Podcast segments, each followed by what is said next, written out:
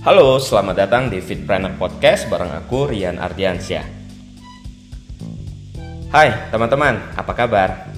Semoga selalu sehat selalu ya. Terima kasih udah ngedengerin Fitpreneur Podcast. Terutama untuk kamu yang udah ngedengerin episode pertama, episode kedua, terima kasih banyak. Dan ini udah masuk ke episode ketiga. Judulnya sih ya membangun portofolio. Karena penting banget ya untuk kita sebagai pelatih kebugaran mulai membangun portofolio seperti yang sudah saya sharing di episode kedua. Karena dengan portofolio yang baik menambah rasa percaya diri kita, kemudian audiens yang melihat kita juga semakin trust ya, semakin percaya sehingga harapannya jasa kita uh, semakin banyak digunakan oleh audiens. Itu sebenarnya tujuan utamanya ya. Nah, portofolio seperti apa sih yang bisa dipasarkan ke audiens? Di sini portofolio mungkin aku sebutnya konten ya, karena di sini aku akan lebih terfokus pada portofolio yang dipasarkan lewat sosial media. Berarti lewat konten.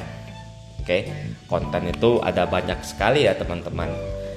Mungkin juga kita di sini udah sering lah ngepost di Instagram ya, baik itu mungkin lucu-lucuan atau keren-kerenan. Nah, mulai sekarang jika memang fokus pada pembangunan portofolio, berarti ada nilai yang harus kita tanam di setiap konten yang kita post. Maksudnya di sini ya harapannya dengan kita ngepost konten tersebut ya konten A, konten B, konten C, harapannya audience mulai terbangun nih rasa trust ke kita yang nantinya mungkin akan menggunakan jasa kita sebagai personal trainer. Nah, beberapa konten.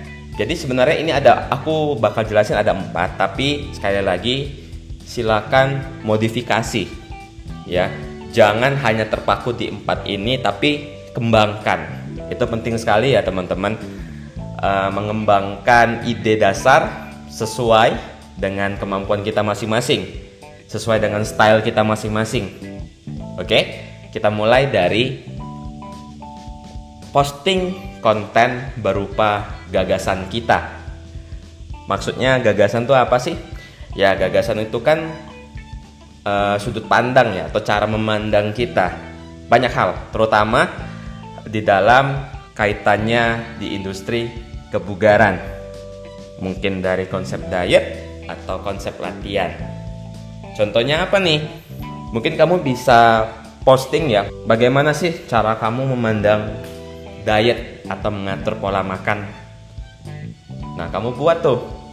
Bisa dalam konsep carousel slide atau kamu monolog ngomong di kamera atau cuman kamu foto sambil lagi makan terus captionnya di bawah kamu tulis di situ terserah. Silakan sesuaikan dengan style kamu yang kamu sukai dan kamu nyaman. Itu penting sekali. Nah tujuannya begini.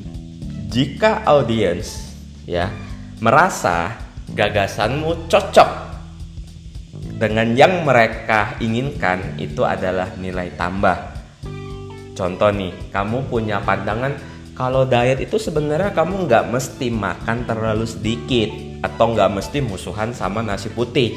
Kamu jelasin kenapa kamu punya pandangan seperti itu. Jelasin secara singkat padat tapi jelas yang nantinya membuat audiens yang membaca kontenmu tersebut wah ini bener nih gue banget nih Nah, bagi mereka yang ingin diet nggak harus makan sedikit dan tetap makan nasi, kemungkinan besar akan mulai memasukkan nama kamu di list mereka. Dalam artian ketika mereka akan menggunakan jasa personal trainer, mungkin namamu yang akan diingat pertama kali. Kemudian, konten apa lagi nih selain gagasan? Bisa video footage mengajar. Nah, jika kamu sudah ada klien, lebih enak nih kamu bisa uh, ambil ya uh, ambil video latihan klien dan pastikan kamu izin terlebih dahulu untuk di post nantinya karena ada mungkin ada beberapa klien yang agak kurang nyaman ketika direkam dan diposting di sosial media jadi pastikan kamu tanya terlebih dahulu kamu bisa rekam ketika dia squat, deadlift atau lagi pressing, terserah ya. Sila sekali lagi sesuaikan sesuai kreativitas. Boleh konsepnya video mentahan jadi kayak cuman direkam dan terus diposting di feed atau di Instagram Stories atau kamu ingin diedit. Nah, itu terserah sekali lagi ya. Bebas. Bisa juga uh, saranku dengan menggunakan tripod kalau misalnya kamu tidak ada tim bisa menggunakan tripod dan memperlihatkan kamu uh, menjelaskan ya mengarahkan klien bagaimana melakukan suatu gerakan. Nah, itu menurutku lebih bagus ketimbang kamu hanya merekam klien tersebut. Kamu juga bisa tambahkan konten testimonial klien di portofolio kamu. Ini sangat powerful sekali karena lebih meyakinkan jika orang lain yang memberikan kesaksian karena sudah menggunakan jasa kamu terlebih dahulu. Testimonialnya bisa banyak, bisa perubahan angka timbangan, foto before after, perubahan bentuk tubuh, atau sekedar chat pengalaman selama latihan. Kemudian kamu bisa posting uh, edukasi, ya postingan edukasi berupa banyak hal seperti konsep diet, carousel, misalnya bagaimana cara menghitung kalori atau uh, apa ya banyak sih sesuaikan aja ya kayak bagaimana cara squat ya how to squat how to deadlift bisa edukasi berupa konsep monolog seperti ini juga ngomong di depan kamera sesuaikan saja dan jangan khawatir rugi karena berbagi. Jadi simpelnya gini kamu tuh share aja ya. Kalau misalnya ada banyak orang yang bingung uh, buat konten edukasi itu susah idenya tuh kadang nggak dapet. Nah, simpelnya kamu cukup pikirkan kira-kira jika kamu dapat klien ya, ngomong langsung di depan kamu. Materi apa aja ya atau wejangan-wejangan seperti apa yang bakal kamu ajarkan ketika menggunakan jasa kamu. Nah, itu tuliskan aja dalam bentuk tulisan, gambar atau video. Dan sekali lagi jangan khawatir rugi karena berbagi. Ya, walaupun mereka dapat informasi dari kamu secara gratisan, ya, tenang, kamu nggak akan rugi pertama kamu sedang ngebantu orang lain oke okay? kedua kredibilitas kamu juga akan meningkat itu pasti bukan berarti ketika kamu membagikan secara free mereka tidak akan menggunakan jasa kamu. No jangan pernah kepikiran seperti itu. Tenang saja. Oke? Okay? justru ketika kamu sering berbagi kamu dirasa semakin kredibel mereka semakin percaya sama kamu dan kemungkinan besar jasa kamu akan digunakan. Namun dalam proses memberikan edukasi lewat konten, hati-hati ya dalam melakukan sharing, jangan bersifat asumsi dan wajib memiliki dasar. Ya bisa aja kamu selalu memberikan sumber di setiap postingan kamu ya. Boleh-boleh aja. Kalau enggak juga enggak masalah sebenarnya selama ketika memang ada orang meminta sumbernya mana kamu bisa kasih. Oke, karena berbahaya sih karena gini maksudnya audiens sekarang ini sudah mudah sekali mencari fakta lewat internet. Misal kamu share, kita tuh bisa loh kurusan uh, membakar lemak dengan menggunakan lemon. Misal tuh banyak kan, wah, kamu share nih tips kurusan menggunakan lemon. Kamu share bagus, menarik. Eh ternyata ada audiens yang tahu jika lemon tuh nggak bisa bikin lemak hilang dengan sendirinya Nah itu bahaya, itu bisa jadi bumerang karena nama baikmu akan tercoreng dan aktivitas membangun trust yang tadinya kita tuh udah setengah mati ngebangun trust malah hancur karena satu konten yang tidak memiliki dasar. Dan kebetulan audiens tahu itu salah. Waduh itu bahaya banget ya. Jadi pastikan ketika kita share edukasi kita punya asumsi kita punya dasar dan tidak bersifat asumsi. Oke nah setelah empat tadi ya gagasan, video footage mengajar, testimonial klien dan edukasi, saatnya kamu ya pilih platform. Sebenarnya ya kamu boleh pilih platform dulu atau mau buat konten dulu ya terserah. Tapi memang di saat ini ya aku ngejelasin di awal itu di portofolio apa yang bisa kamu posting lalu pilih platformnya. Oke. Mau pilih platformnya dulu baru buat konten juga nggak masalah sih. bebas bebas bebas oke sama aja nah pilih platform sosial media yang kamu rasa target marketmu paling banyak menghabiskan waktu di sana. Yo penting dong, karena ketika kamu tahu, misal kamu ngincer apa ya, misal mahasiswa, kira-kira aja, kira-kira mahasiswa itu paling banyak menggunakan platform sosial media apa sih?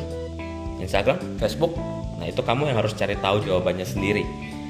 Oke, semakin banyak mereka menghabiskan waktu menggunakan sosial media tersebut, kemungkinan besar ya kontenmu akan dibaca dan semakin besar pula kemungkinan akan dikonversi menjadi klien kamu. Kemudian memilih platform untuk memasarkan portofolio atau konten yang sudah kamu buat.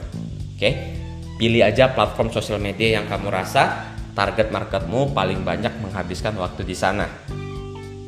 Contoh, jika kamu mencari target market atau punya target mahasiswa, mungkin Instagram bisa jadi pilihan kamu. Misalnya kamu yang lebih mature, ibu-ibu misalnya, kayaknya Facebook lebih powerful sih. Jadi silakan uh, riset ya. Uh, kira-kira sosial media apa yang paling cocok sesuai dengan target market kamu. Kemudian pelajari kecenderungan mereka aktif di jam berapa dan sesuaikan waktu posting konten. Itu penting juga ya. Jika kamu posting konten tengah malam nggak ada yang baca dong Mungkin ada tapi nggak sebanyak jika kamu posting di siang hari setelah makan siang. Oke, kemudian uh, menentukan target market. Oke, ini penting sih.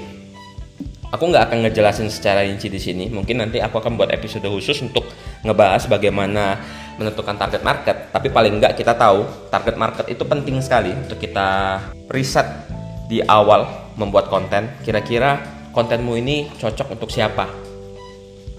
Oke, konsep sederhananya begini ya. Kamu tuh ingin kontenmu dibaca siapa sih? Dibaca orang ya benar, memang dibaca orang dong. Tapi lebih spesifik. Oke, kita mulai dari yang paling luas. Kamu mau orang seperti apa sih? Perempuan atau laki-laki? Atau keduanya? Anggaplah kamu memilih perempuan. Oke, target market kamu perempuan. Perempuan yang seperti apa? ibu-ibu, mahasiswa, pelajar, anak kecil. Anggaplah kamu memilih target marketmu perempuan dan uh, ibu-ibu serta mahasiswa. Berarti mungkin range umurnya di kisaran 18 sampai 40 tahun lah. Oke. Okay? Kemudian yang ngebacanya lokasinya di mana? Kepengennya di mana? Mau se Indonesia?